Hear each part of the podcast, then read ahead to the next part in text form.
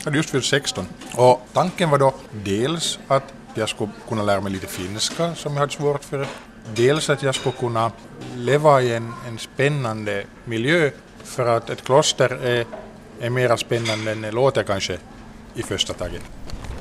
Jag har stämt träff med Alexej Sjöberg på ett centralt café i Jakobstad en kall men solig måndag i februari. Jag har aldrig träffat honom förr men nog hört talas om honom. Och det var hans far Erik Sjöberg som för ett tag sedan berättade för mig att sonen Markus nyligen hade flyttat tillbaka till Jakobstad efter att ha bott på andra ställen i 20 år. Ja, alltså Alexej kallas Markus av den närmaste familjen. Hej! Hej, Ann-Sofie heter jag. Hej! Han redan tagit lite Ja. eller vad heter det? Vi kan börja på att du säger vad du heter, vad du sysslar med och alltså vem du är. Eh, jag heter Alexej Sjöberg. Jag är ortodox präst och har varit det senaste 12 åren. Jag har jobbat i Helsingfors tidigare 11 år som, som eh, ryskspråkig präst i Helsingfors ortodoxa församling. Och eh, nu jobbar jag i Österbotten som resepräst i Uleåborgs ortodoxa stift med arbetsfältet Vasa ortodoxa församling och södra delen av Uleåborgs ortodoxa församling. Från Kristinestad till Uleåborg.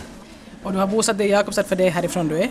Ja, vi har flyttat tillbaks hit, eller jag har flyttat tillbaks hit och min familj har flyttat, flyttat hit nu för första gången för dem. Jag har inte egentligen bott här sedan slutet på 80-talet, så att mycket har ju förändrats. Jag är lite nyfiken på det här med de två namnen, Markus och Alexej. Jag har på något vis trott att han har bytt namn i och med att han blev ortodox präst. Alltså egentligen har jag inte fått det här namnet som, jag har ingenting att göra med mitt prästämbete eller med, med att jag är präst, utan har att göra med att officiellt i mitt pass så heter jag Markus Oskar Alexej Sjöberg. Och äh, i ortodoxa kyrkan så har man som, vanligtvis så döper man med bara ett namn. Och jag blev döpt som Alexej, så att då har jag använt det. Äh, men nära släktingar här så känner jag mig, och skolkamrater allihopa känner jag mig som Markus. Men, men har ju varit Alexej i största delen av mitt liv, alltså som, som tilltalsnamn. Så det är det jag hör mest. Jag försöker räkna ut hur gammal Alexej är, om han har hunnit vara borta från Jakobstad i 20 år. Jag, jag föll 71, då blir jag, nu ska vi se, jag fyller, Du är inte 40 ännu då? Nej. nej jag fyller 39 år. Okej. Ja, jag räknar rätt, tror jag. Hurdan var du när du växte upp här i Jakobstad? Hurdan sorts kille var du? Det är svårt att säga själv, och speciellt med det här, med det här tidsperspektivet som man har.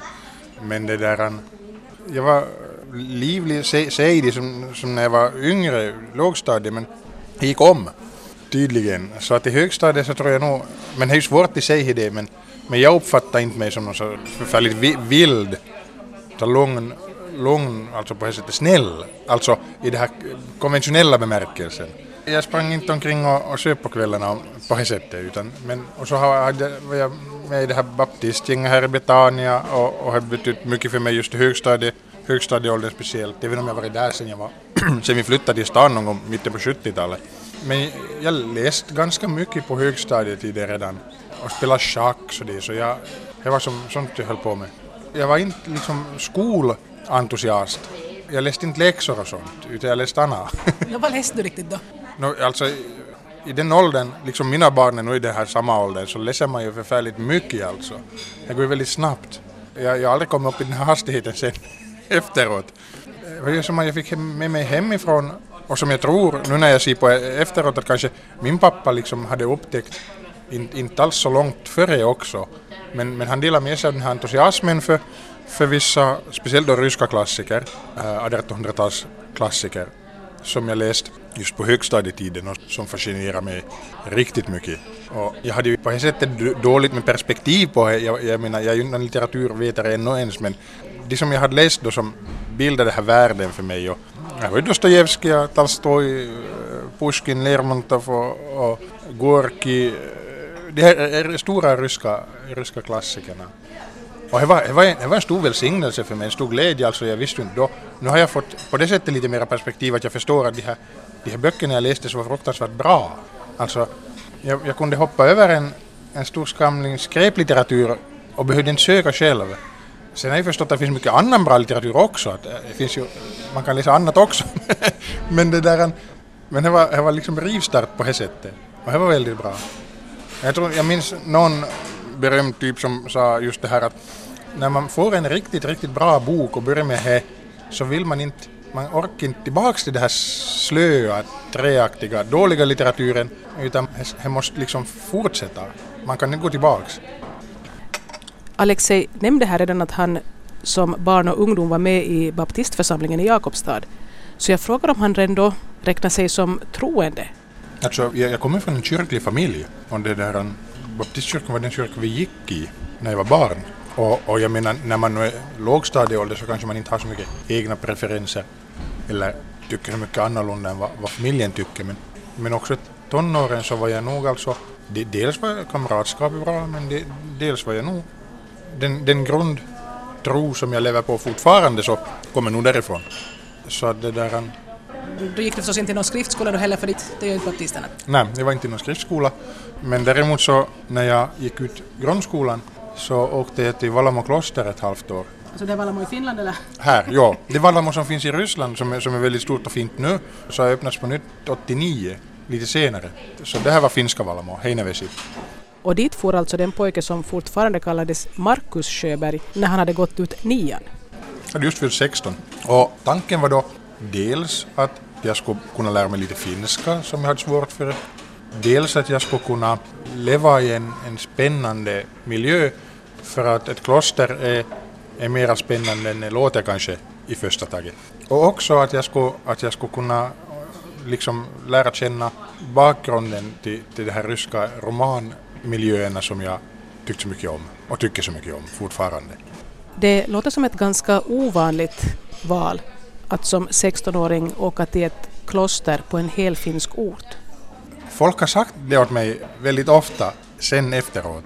Men jag tycker inte, och jag tycker att om man jämför alltså så är inte, alltså jag tycker inte att det är något särskilt på det sättet att jag menar, det finns 16-17-åringar som far iväg på ett år till Australien eller Amerika som, som utbytesstudenter. Okej, men det är ju organiserat det här. Det här tog du redan på på egen hand antar jag? Ja, ja det stämmer. Så på, var på det sättet. på det sättet? Jo, jo, men, men den här själva alltså drivkraften att, att man i den åldern vill, för det första vill man bort hemifrån. Man vill se någonting annat och, och man, man har någon slags så här outtalad vad ska man säga, längtan eller önskan att, att, att hitta någonting riktigt rejält, någonting bra, någonting håll, hållbart och, och någonting spännande. Det blev väldigt bra sist och slutligen. Det skulle kunna vara väldigt dåligt också, för jag, jag menar jag visste inte så förfärligt mycket när jag for dit. Men så är det ju om man far utomlands också i den åldern. Så att jag är väldigt tacksam och väldigt glad att jag kommer dit. Vad hände sen då? Kom du tillbaka till Jakobstad och gick gymnasiet här då eller gick du någon annanstans? Jag var där ett, liksom ett, ett läsår och sen kom jag tillbaka och gick gymnasiet.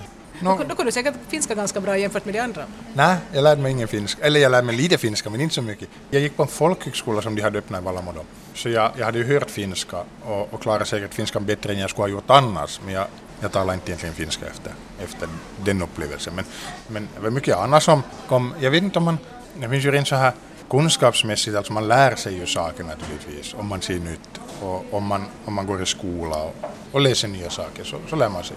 Men det finns en annan upplevelse tror jag som var viktigare i Valamo och, och det var det här att man har liksom sett, man har upplevt någonting annat. Alltså det, det här uttrycker man, man är en erfarenhet rikare i, i någon slags så här väldigt, väldigt stark bemärkelse. Uh, det faktum att jag hade liksom sett Eh, det jag hade sett där, jag, hade levt i en livsrytm som var väldigt annorlunda men också ett intellektuellt klimat som var väldigt stimulerande. Alltså det var inte insnöat och mossigt utan väldigt många människor kom dit, de hade väldigt fina föreläsare och det var ett aktivt liv i den bemärkelsen. Men den här känslan eller tanken på att det finns en kontinuitet i kulturen, finns en kontinuitet i det vi gör som sträcker sig över år, årtionden, århundraden, årtusenden. Så den blev väldigt stark där. Och det, var, det är en känsla som när man kommer tillbaka sen som man, som man kanske inte kan formulera eller, eller som man inte liksom vet vad man ska göra av, som man inte har någon direkt nytta av men som ändå är väldigt, väldigt väsentlig. Jag frågade Alexei om han redan då som 16-åring i Valamo bestämde sig för att börja studera teologi och bli präst. Nej, jag, jag hade inte så konkreta planer alltså. Jag, jag visste ju vad jag var intresserad av och, och, och så på det sättet eh, var det en, en viktig punkt Alltså det var säkert det som var avgörande. Men det var inte avgörande i den bemärkelsen att jag där någon, någon dag skulle ha liksom kommit på tanken att aj, så här gör jag. Utan det växte fram. Men, men utan Valamo naturligtvis skulle det ha gått helt annorlunda.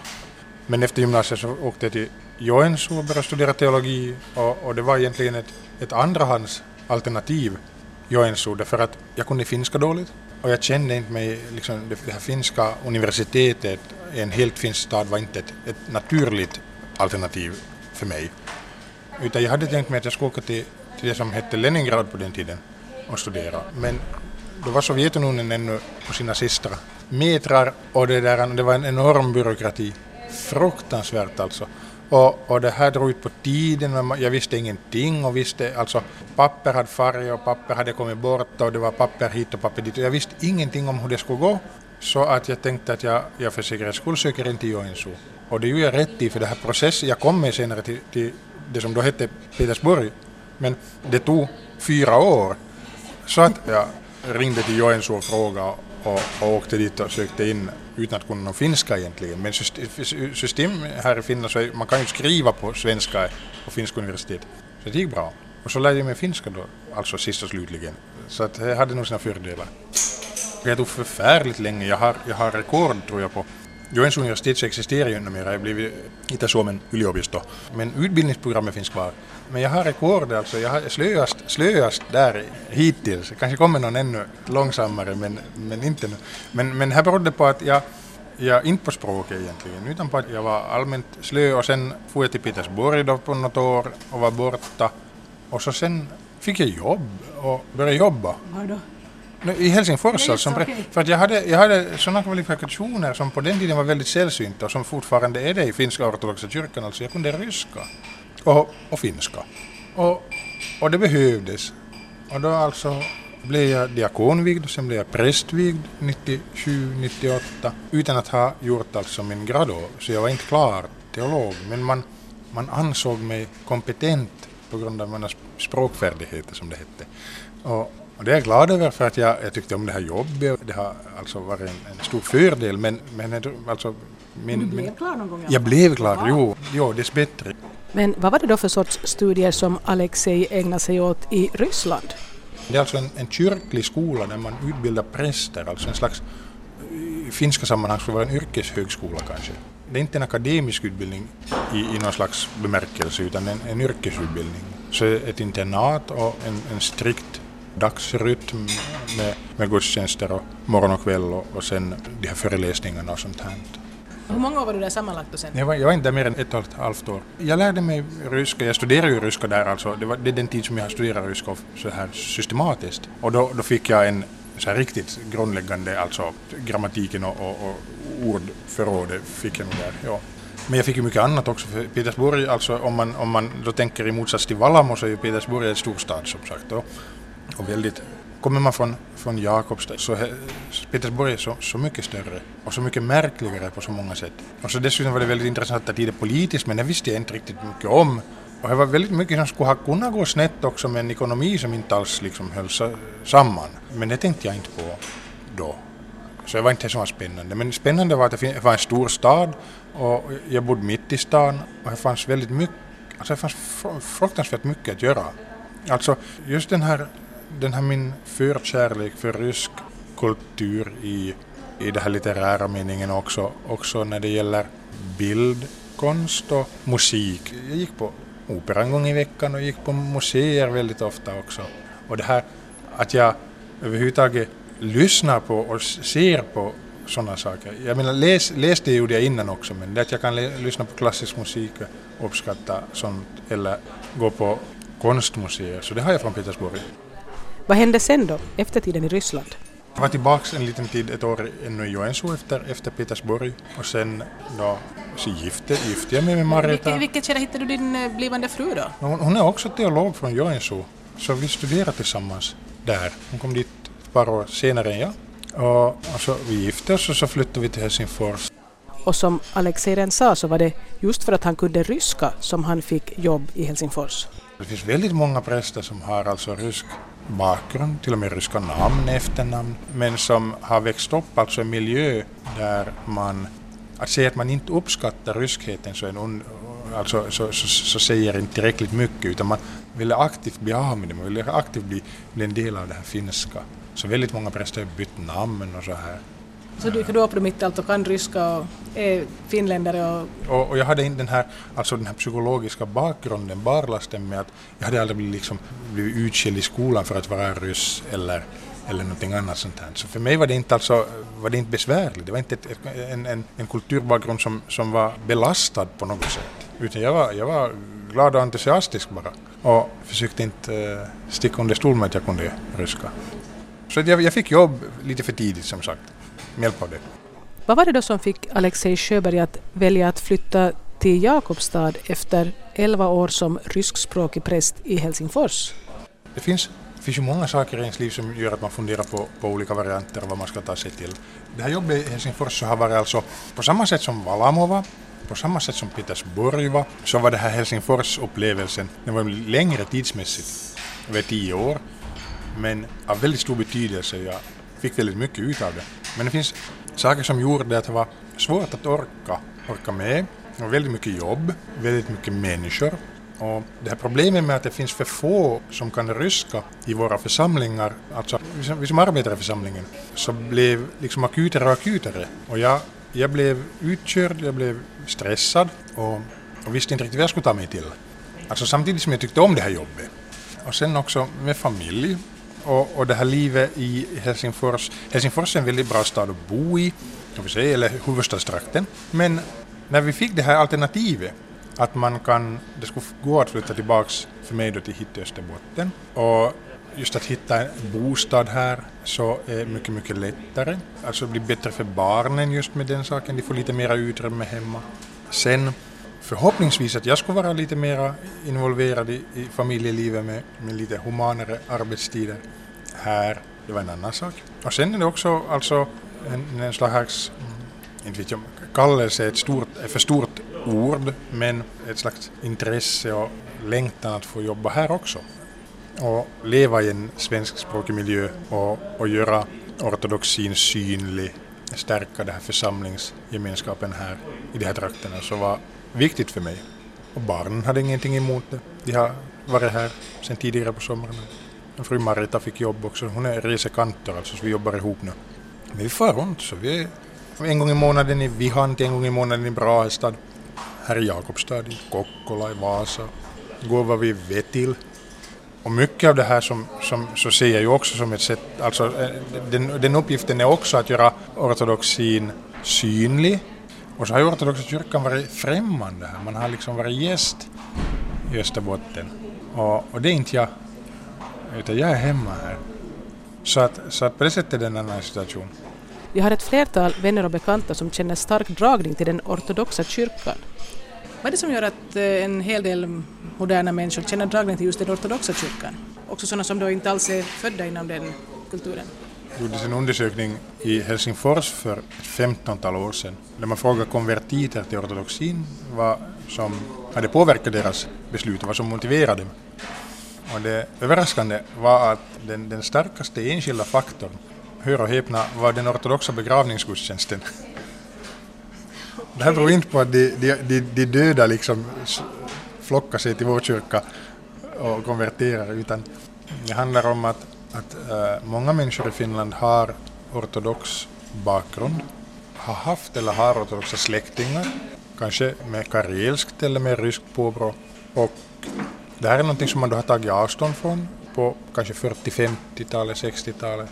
Men sen när någon gammal mommo eller någon gammal moster eller farbror dör så går man på ortodox begravning och så känner man igen sina egna rötter plötsligt där.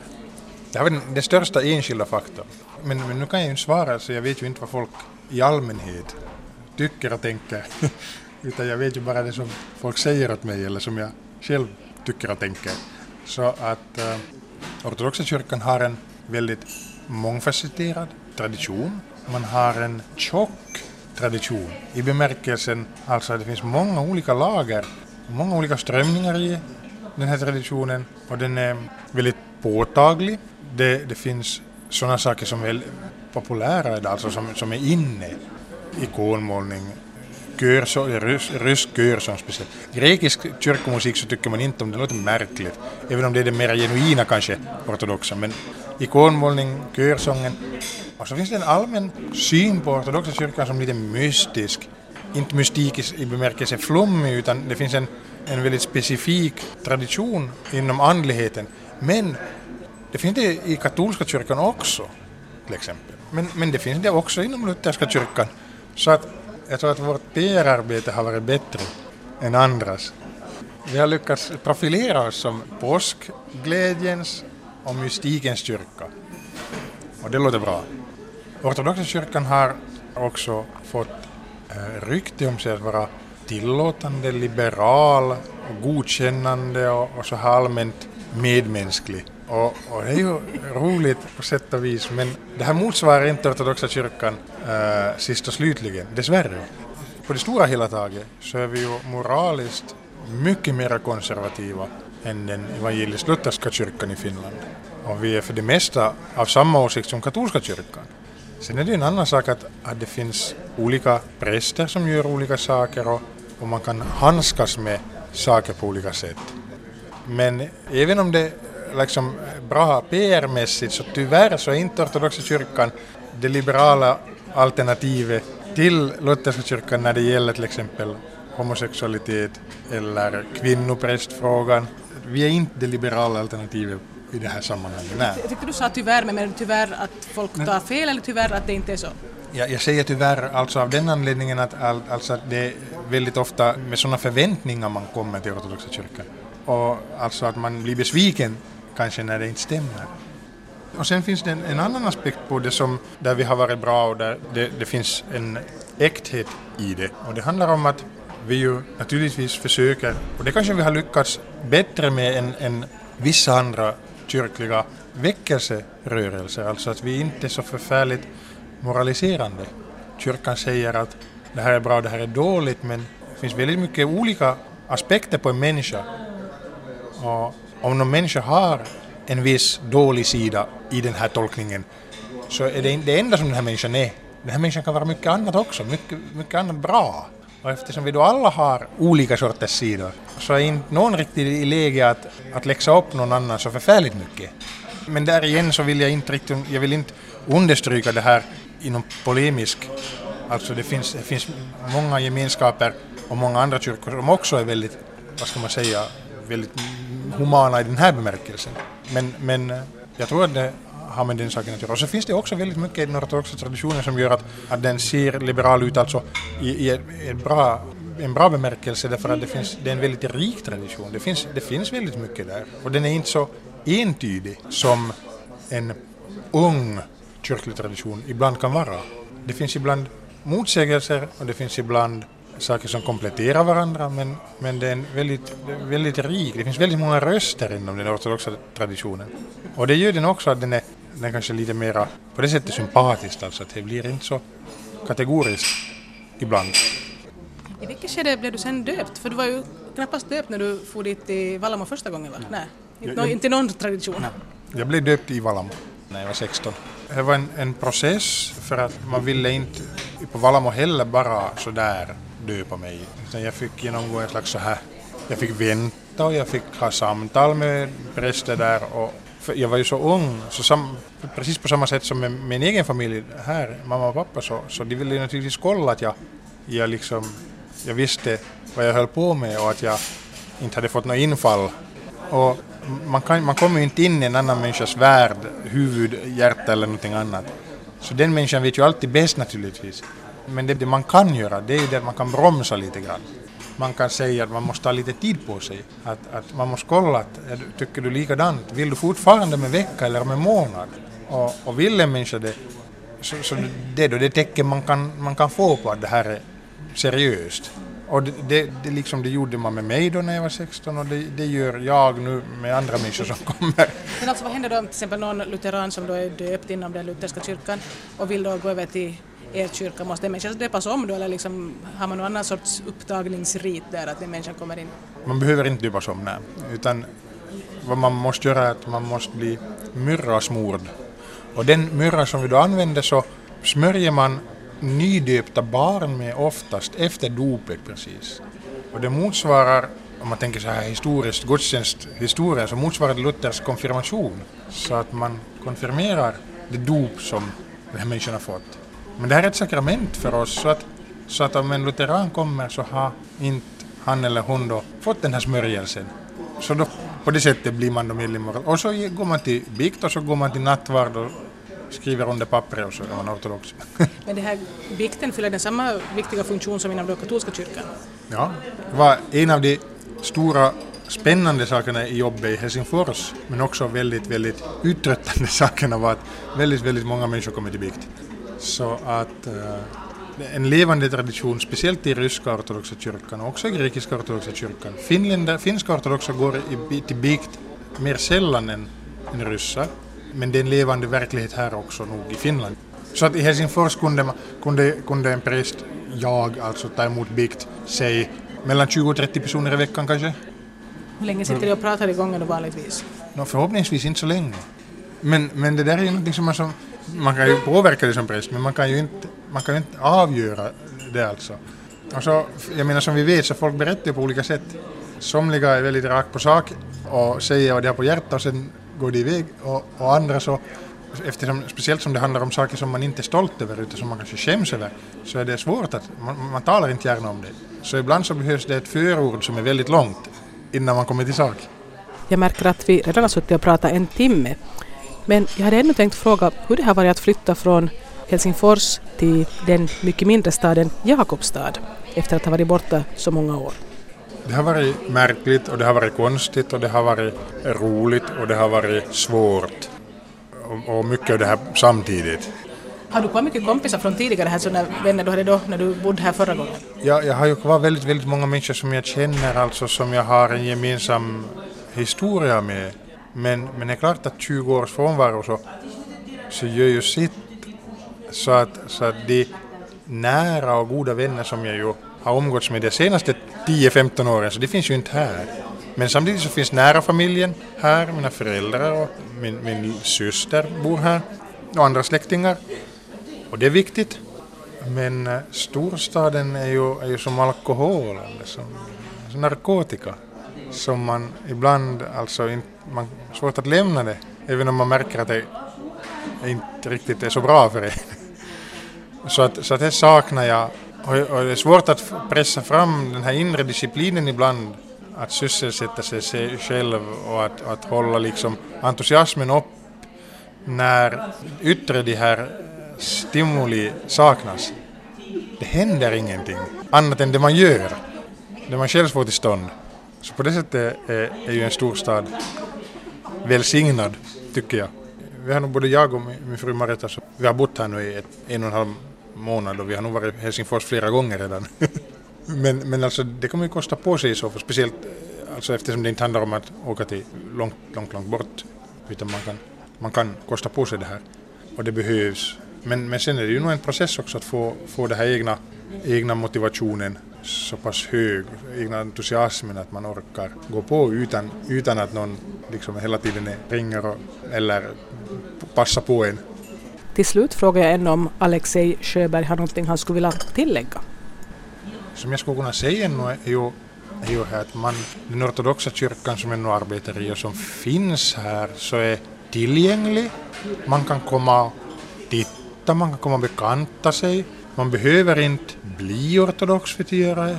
Och man behöver inte vara på något speciellt sätt, man behöver inte bete sig på något speciellt sätt. Man kan vara, bara man inte ropar och skriker och härjar alltså i kyrkan så, så får man gärna vara med och bekanta sig med.